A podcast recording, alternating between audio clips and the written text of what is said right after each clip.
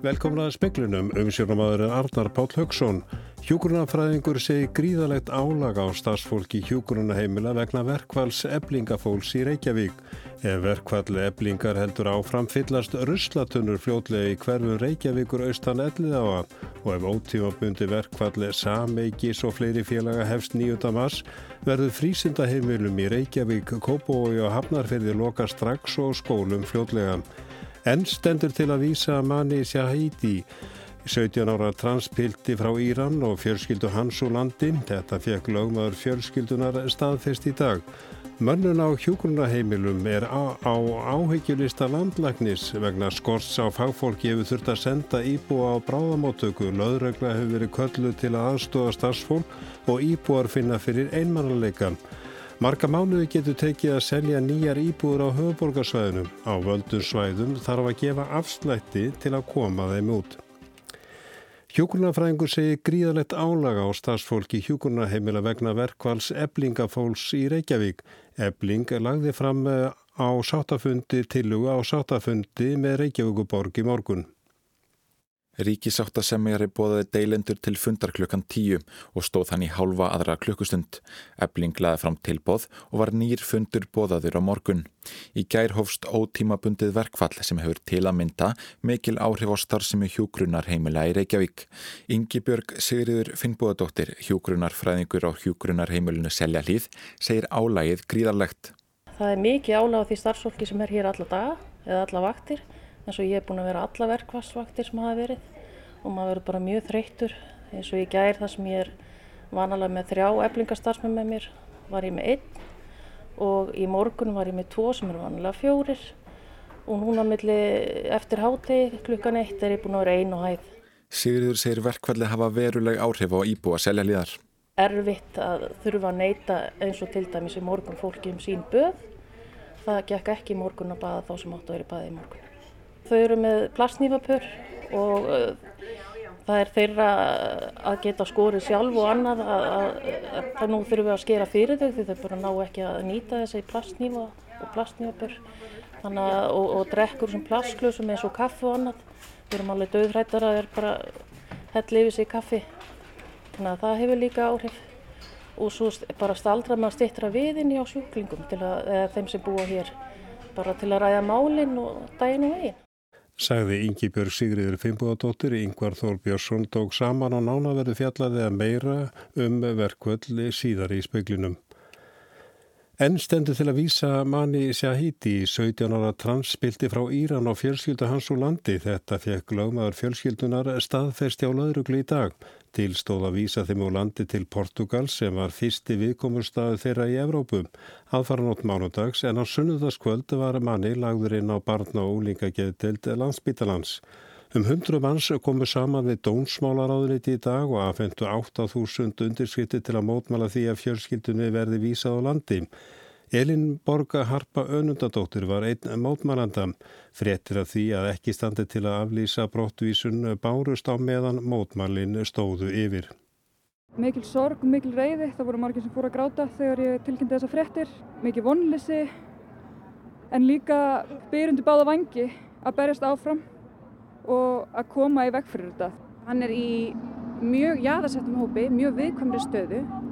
Transböld sem eru ekki flóttaböll e, er í mjög, mjög hérna, viðkvæmri stöðu til að byrja með og þegar bætir stöðu flóttamann svona á það eða stöðu hælisleitanda þá er þetta náttúrulega bara e, virkilega mikið álag á ungan dreng.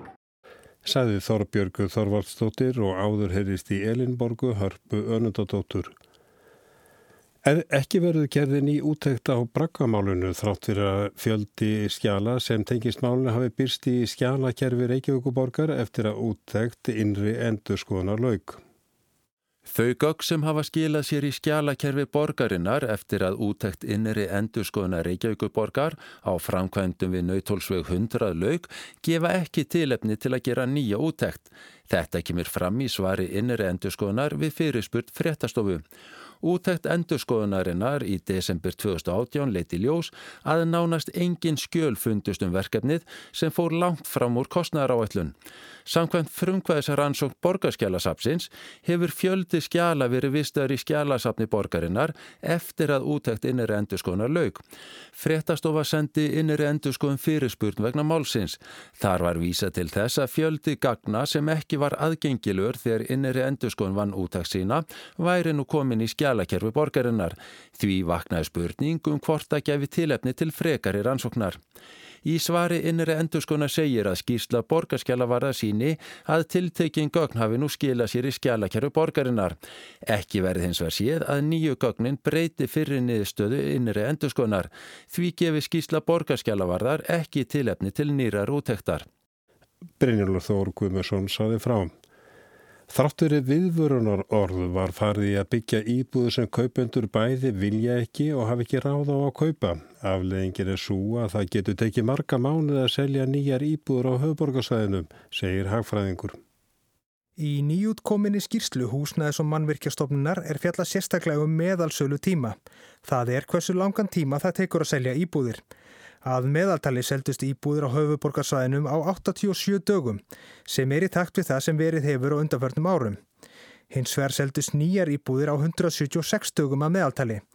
En ef einungis er hort til síðustu þryggja mánuða ásins var meðal sölutíminn 217 dagar. Í skýslunni segir að annarkort uppfylli markaðarinn ekki þarfir kaupenda eða verðir sér farið að fæla þá frá. Ari Skúlason, sérfræðingur hjá Hagfræðidelt landsbankans, telur að hvort tveggja eigi við ég held að sé alveg ljóst að á síðustu árum hefur verið byggt of mikið af stórum íbúðum sem að fólk vill ekki og kannski e, vantar líka einfaldar íbúðum, minni íbúður og það hefur bara verið skrifað á alla veggi í mörg ár og samt hefur byggingarstafsefnin e, farið mikið út á það að byggja stærri íbúður sem að fólk vill bara ekki kaupa og mögulega ræður heldur ekki við að kaupa. Ari á þó ekki vonað því að verðhrun verði á nýjum íbúðum. Réttar að væri að tala um verðstöðvun gæti hins vegar hugsaðst í ákveðnum hverfum eins og við höfum heyrt um miðborgina að það þurfi að gefa afslætti til þess að losna við íbúðir en það sem er að koma núna er eh, mikið svona fyrir utan miðborg og eru vendarlega meira minni og einfaldar íbúðir. Þetta var Ari Skúlason, Magnús Geir Eyjólfsson talaði við hann. Britta Nilsen, fyrverandi stafsmæður félagsmálarstofnunarinnar í Danmörku var í dag dæmd í 6,5 ás fangilsi fyrir fjárdrátt. Hún var sagvild fyrir að hafa dreyið sér 117 miljónir danskara króna úr sjóðun stofnunarinnar og skjálafalls upp að nefnur um 2,4 miljardum íslenskara króna. Sangvað dónum á hún að endur greiða fjöð sem hún dróð sér. Embætti saksóknara í Kaupmannahöfn fór fram á að breyta Nílsson yrði dæmdi að minnstakosti 8 ára fangelsi. Fjárdrátturinn væri einhvers á grófasti sem upphefði komist um í Danmörku til þessa.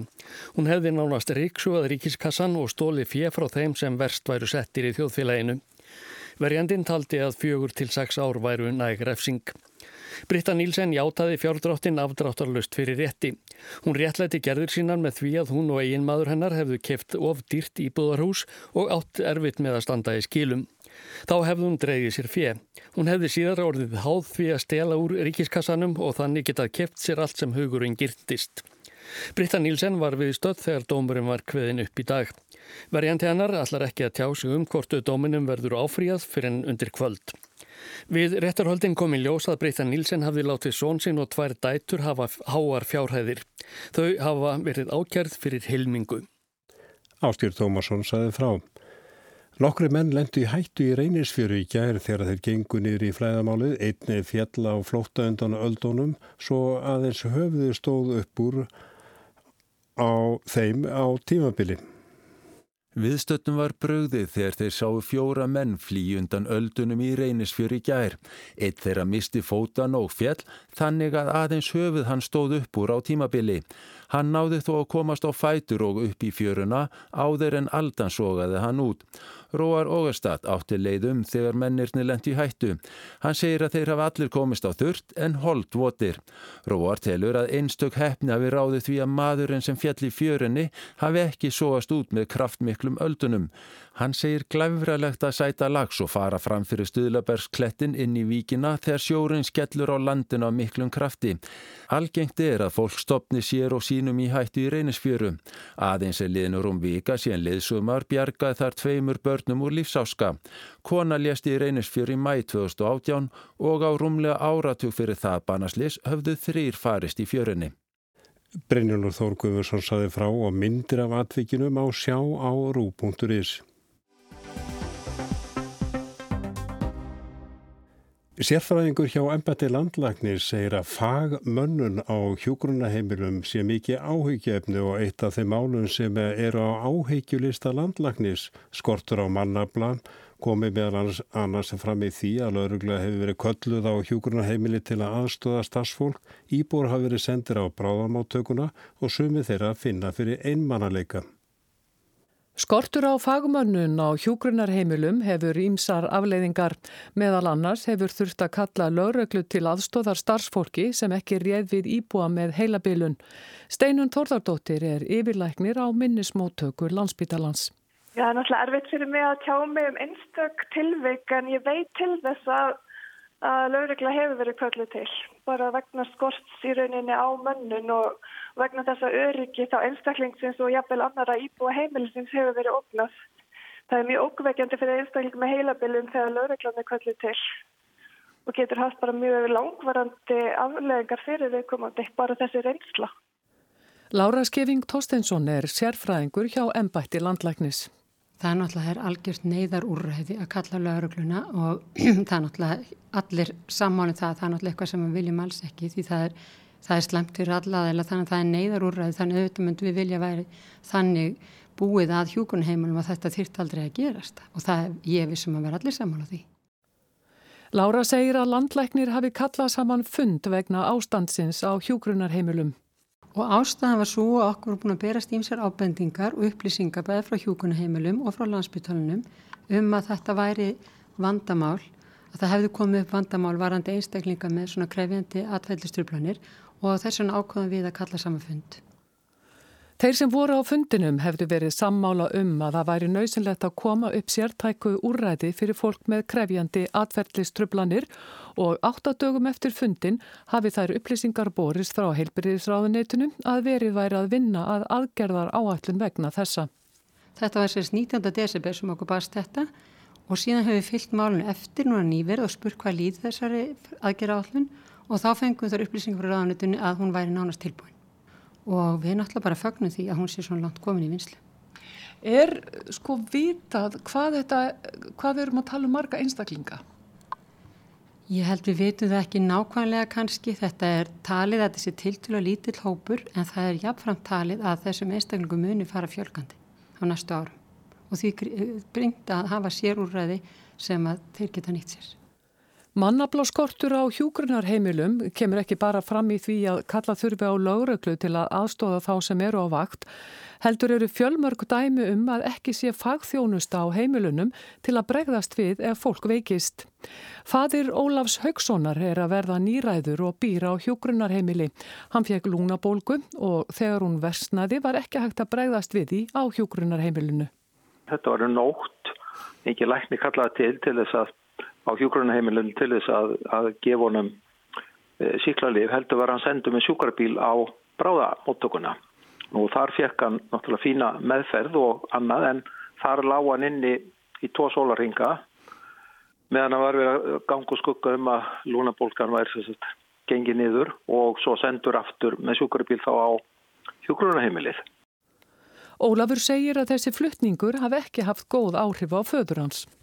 Eh, sko áhrifin á hann eru náttúrulega þau að þannig að hann tekin út af heimilinu sem hann er á og því sem hann þekkir og eh, fer þarna inn á þessa frekar óvistlegu aðstæður sem að eru þegar að, þegar að allt er tróðfullt á bráðabildinni og hann fannst þetta bara reynilega umurlegt að vera þarna þó hann verið auðvitað mjög ánaði með alla þjónustöru sem hann fekk og, og, og, og að hann náði samt bata og fekk liv og en, en í mínum huga er það alveg ljóst að þetta er margvalt dýrara fyrir samfélagið að senda svona tilfelli inn á bráðadeild þar sem að tekið er upp pláss í tvo sólaringa og við svona fekar óveislegar aðstæður meðan að hægt væri með skynsalögur ástöfum fjármuna að afgreða svona tilfelli bara inni á viðkomandi hjúkrunaheimilum. Lára segir að landlæknir hafi sett viðmið um mönnun á hjógrunarheimilum árið 2015 og notið þau í útæktum sem ennbættið gerir. Viðmiðin hafi ekki ígildi reglugerðar. Þannig það er ekki sem, sem, sem skilir því að það farið eftir þeim. Þau voru sett meira til að setja ákveðin staðar sem að, mætti nota til að efla gæðu öryggi. Þannig að í hverskipti sem við gerum útækt á hjógrunarheimili þá skoðum við þetta og það verður bara að segjast eins og er að hjúkunaheimili eiga mjög erfitt með að uppfylla þessa, þennan, þessi viðmið. Og það hefur margsins komið fram í frettum og við vitum það náttúrulega bara úr alls konar rannsóknum að mönnun hefur mikil áhrif á gæði hjúkunar. Það er mjög margar rannsóknar sínt fram á það. Þannig að þetta er svona ákveðið ágefni í okkur. Og þannig er við bæði að tala um sko fjölda starfsmanna og við erum þá ekki síst að tala um fagmönnun, svo heilblíðstéttir Eh, hjúgrunarfræðingar, sjúkraliða og þess aftar og náttúrulega lekna mönnu líka. En varandi dæmi sem hún nefndir hérna að fólk þarf að fara kannski til að fá síklarlefi gjöf á bráðamáttugu, við, við hefum fengið ábyrðingur slíkt. Fólk þarf að fara af hjúgrunarheimili til að fá síklarlefi gjöf til dæmis á nóttunni, að það er ekki mönnun til að veita hana á hjúgrunarheimilinu og þetta er bara mjög alvarlegt í það var líka alls konar rannsónu sínt það að dvöl á bráðasjúkrahúsi fyrir aldraði sem þurfi ekki nöðsynlega að halda hún er ekki góð og við höfum, e, og hefur ekki, hefur slæmar á þeirra lífsgæði, hún getur beinleins verið hættuleg. Landlæknisempatið hefur gert tvær útæktir á bráðamótökunni, fyrst í desember 2018 og svo í september 2019 og þeim verður fyllt eftir núna í vor. Og þá kemur einmitt þetta fram að hvaða er varasamt að fyrir aldraða að vera á bráðarsjúkröðs eða eftir ekki á meðferðin þar að halda og ekki hvað síst með tillitið í síkingavarna. Þannig að þetta er slemt fyrir alla aðila. Komið hefur fram að sömur íbúar á hjókrunarheimilunum sem landlæknir hefur tekið út finna til einmannaleika. Þetta er algjörlega hluta saman vandamáli. Við hefum í þessum nýveru útöktum sem við hefum gert nýverað hjókrunum þá tökum við viðtöl við íbúana eða ættingja og það hefur svona dýfkað útöktina fyrir okkur. Að heyra í þjónustu þjónum hvað þeir segja og einmannaleiki er stort vandamál og það kannski má minna það að í Breitlandi þá sérst okkur ráð þeirra einmannleika því að einmannleiki hefur vond áhrif á heilsu. Og það er náttúrulega eh, ef að mönnunin er með því móti að það gefst lítil tími til að sinna fólkinu og geta tala við og veri hjá því það, við, okkur finnst það bara alvarlegt Embættið með svona hvað ég var að segja áhyggjulista, þetta er eitt af því sem er á áhyggjulistannu hjá okkur. Því að við höfum fengið ábendingunum þetta meðal annars frá landsbytalinum að það komið þánga fólk sem þeir telja að gæti verið hægt að meðhandla á hjúkunaheimilinu með meiri fagmönnun, fleiri hjúkunafræðingum og með betri bara mönnun almennt. Og jafnvel hefur líka talað um meiri lekninsjónustu. Þannig að við höfum svona verið hugsun um það hvort að væri raun og verið hægt, hægt að hækka þjónustu stíð á hjúkurnaheimilum því það myndi að kannski geta forða einhverjum innlögnum á landsbytalan sem við teljum að veri mjög gott og allir telja sér mjög gott því það er ekki góður staður fyrir aldraða að koma bráðamótuguna ef að þeir eru bara kannski til að koma til að fá, fá síklæri sem er ekki að gefa þeim á hjúkunheimil. Það er annað að þurfa bráðri þjónustu að halda þá náttúrulega fara þeir bráðamótuguna eins og allir. Þetta var Lára Skeving Torsteinsson, Bergljótt Baldurstóttir tók saman.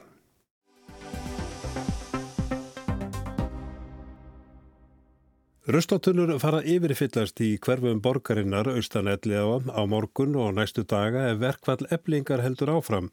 Frístundaheimilum í borginni verður lokað 9. mass ef ótímabundi verkvall verður samþygt. Skólum í Reykjavík, Kópavói og Hafnafyrði verður líklega lokað nokkrun dögum eftir að verkvallið hefst.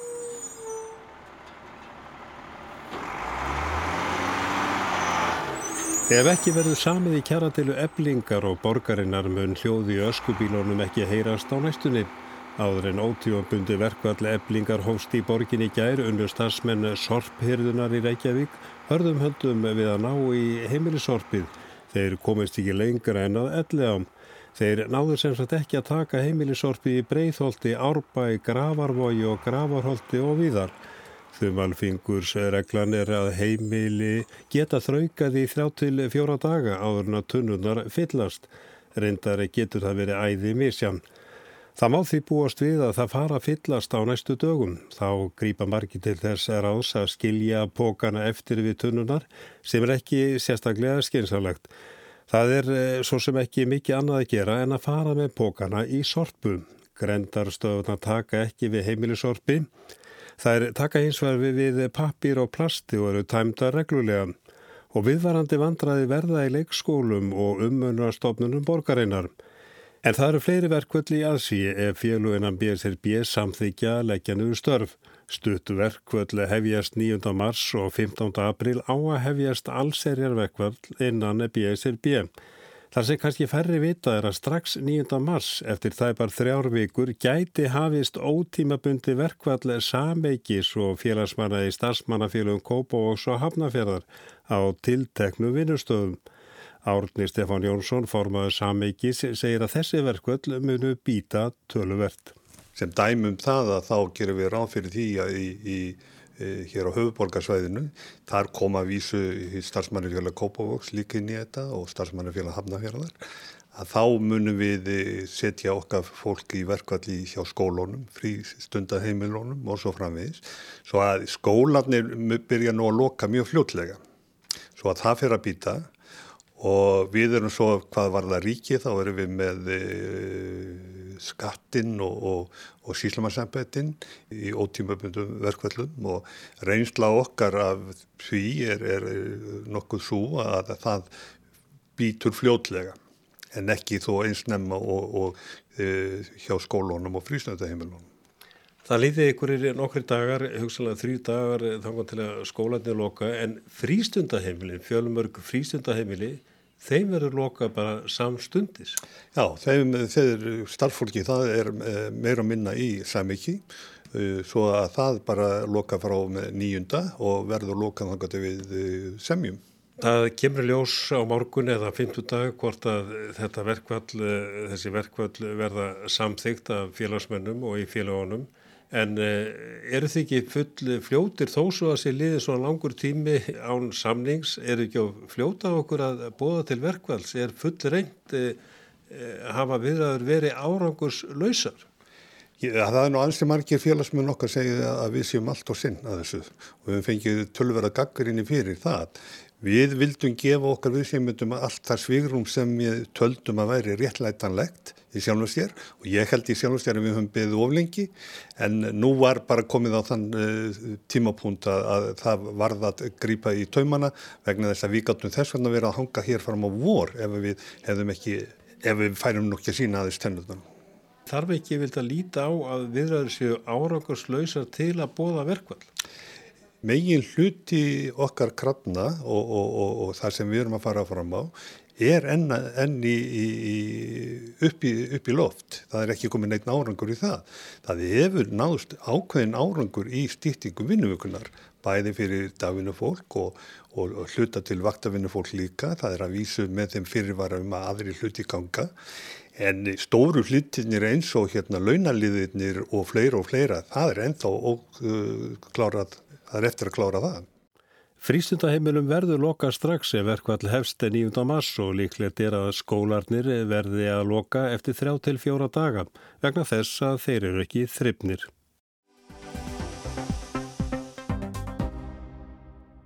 Það er enþá haustu víða í Svíþjóð þótt komið sér fram í miðjan februar að mest okkosti samkvæmt skilgreiningum veðufræðinar. Meðalhiti í höfuborginni Stokkólmi í nýliðnum janúarmánuði var sjö gráðum hærri en vanlegt er og nú spyrja margir hvað valdi. Eru það lofslagsbreytingar? Kári Kílvarsson í Gautaborg teku við. Það er vor í lofti. Fuglarnir syngja, börn og fullornir spásara um almenningskarðana þar sem grasið er grænt og trén tekinar löfgast. Og sumstaðar standa meiri sé að kirsuberjatré í blóma. Hlustendur fyrirgefa vonandi þeim sem hér talar. Það er ekki ætlunin að vera óþólandi, flytja góðveðris fréttir frá útlöndum á meðan það geysar hríðarbilur heima á Íslandi.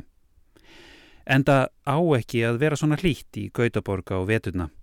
Kirsuberatrén þau ekki að blómkast fyrir en eftir 2-3 mánuði í lok april eða í mæ en ekki snemma í februar. Hér er yfirleitt kallt á þessum ástíma, talsvert frost og fólk fyrir á skýði eða skauta. Það er því ekki laust við að þetta ótrúlega milda veður veki vissa ónota tilfinningu, sérstaklega hjá þeim fjölmörgu svíjum sem eru þjakaðir af sífælt versnandi loftslagskvíða. Þetta árið kom aldrei vetur. Veðurfræðingar hér í Svíþjóð skilgreina vetur þannig að hann hefjist þegar meðalhiti er við frostmark fimm daga í rauð. Þetta gerist fyrst nýrst í landinu þar sem vetur hefst alla jafna upp úr miðjum oktober. Um miðbygg Svíþjóðar kólnar svo almenlega í november en við ströndina og í söður Svíþjóð hefst þessi veðurfræðilegi vetur ekki fyrir ný desember, jafnvel januar þar sem veður er mildast eða þannig er það í meðalári. En nú breyður svo við að veðurfræðilega er enn haust víða í Svíþjóð þótt komið sé fram í miðjan februar. Í söður Svíþjóð, vestur Svíþjóð, höfðborginni Stokkólmi og sænsku eigunum á Eistrasalti hefur engin vetur komið og vorið er á næsta leiti. Eða kannski er það komið. Í Stokkólmi tóku kirsuberatriðað blómkast strax um miðjan januar en það var liðin januar sá hlýjast í höfðborginni frá því að mælingar hófust fyrir meira en 250 árum. Meðalhitin í Stokkólmi í januar var 4,1 gráða. Það er næstum heitri gráðu heitara en fyrramett og einum 7 gráðum hlýra en í meðal januarmánuði. Margir hafa auðvitað ágjur á því hvernig trjám og öðrum plöntum mun reyða af ef það kemur svo kuldakast frjósa blómin á ástatrjánum þannig að uppskeran verður að engum og verða bíflugur og önnur skortir komin á kreiki tæka tíð til að frjóka blómin. Áhuga fólkum vetrar íþóttir barmar sér líka. Sleðar og skýði sapna reiki inn í geimslum, gönguskíðafólk neyðist til að æfa hlaup og hjólreðar og á skíðasvæðum hefur hundruðum starfsmanna verið sagt upp störfum. Verra er veðrið þó fyrir dýrin Reyndir þóla til dæmis frosthörkur afar vel og reyndar líka mikinn hýta en það getur orðið mjög heita á sumrin í norður Svíþjóð. En eitt þóla þau illa, reyndirinn. Það eru mildir vetur. Þá getur ringt upp til fjalla svo að ís leggst yfir jörðina og þá komast reyndirinn ekki í mosa eða jörtir líkt og þegar mjúkur snjór liggur yfir. Snjórin kemur líka í vekk fyrir að þeim verði kallt því hann er einangrandi. Reyndirhyrðar hafa í vetur þurft að fóðra reyndirinn og hafa mikið fyrir þeim. Önnur dýr eins og byrnir hafa líka lagað sig af köldum vetrum og talsverðum snjó. Byrnir eiga erfitt með að leggjast í hýði ef engin er snjórin. Þá geta þeir þurft að leggjast einhver staðar undir grenitré án þess að var einangurinn af snjónum og við slíkar aðstæður eigða þeir orkunni sem þeir hafa sapnað yfir sumarið miklu hraðar. Dýr geta auðvitað aðlagast breytingum en ekki þegar þær verða mjög hratt. Breytingarnar sem nú eiga sér stað eru miklu, miklu hraðari en náttúrulegar loftslagsbreytingar og þá ná dýra og plöntutegundir ekki að aðlagast. Aðrar dýrategundir þrýfast aftur móti vel þegar vetur eru meildir og ekki endilega þær dýrategundir sem við mennirnir myndum helst vilja. Hítinn gerir til dæmis erfiðara að verjast barkbjöllu sem skemmir og drepur grenitré fyrir fleiri tugi miljarda á ári hverju. Skóarmítlar sem meðal annars festa sig á menn og geta borið með sér hættulega sjúkdóma, þeim fækkar ekki í vetrarkuldanum þetta árið og spánarsnýillin allræmdi sem allt getur, hann er þegar komin á kreik. Veðurfræðingar segja að skýringana á óvinnilegum hlýjundum síðustu mánuði sé meðal annars að leita í hlýju lofti sem komið hafi frá Allandshafinu inn yfir Svíþjóð. En að mati sænsku veðurstofunar er þó mjög líklegt að gróðurhús áhrifin eigi einnig hlutað máli. Hlínunjarðar skýrir ekki af hverju einstaka vetur eru mjög mildir, þar kemur fleira til, en á næstu árum verður slíkt æg algengara í takt við lofslagsbreytingar og raunar hefur nú þegar orðið ákveðin breyting. Vetur eru til að mynda mun mildari nú en fyrir bara hálfru öld. Kári Kílosson, Gautaborg. Og það var allra helst í speiklinu við kvölda. Hjúgrunafræðingur segi gríðalegt álag á stafsfólki hjúgrunaheimila vegna verkvals eblingafólks í Reykjavík og það er rétt að taka fram að ránt var að fara við nafn hennar hér áðan. Hún heiti Sigriður Brynja Snorradóttir en ekki Ingi Björg Sigriður Fimboadóttir. Og ef verkvall eblingar heldur áfram fyllast ruslatunur fljótlegi hverfum Reykjavíkur austan ellið á og ef ótímabundi verkvall sameikis og fleiri félaga hefsti 9. mars verður frístundaheimilum í Reykjavík, Kópói og Hafnaferði, loka strax og skólum fljótlega. Enn stendur til að vísa manni Shahidi, 17 ára transpilti frá Íran og fjölskyldu hans og landi. En það er ekki mikið fleira í speiklunni kvöld, tæknumar var Mark Eldred verið sæl.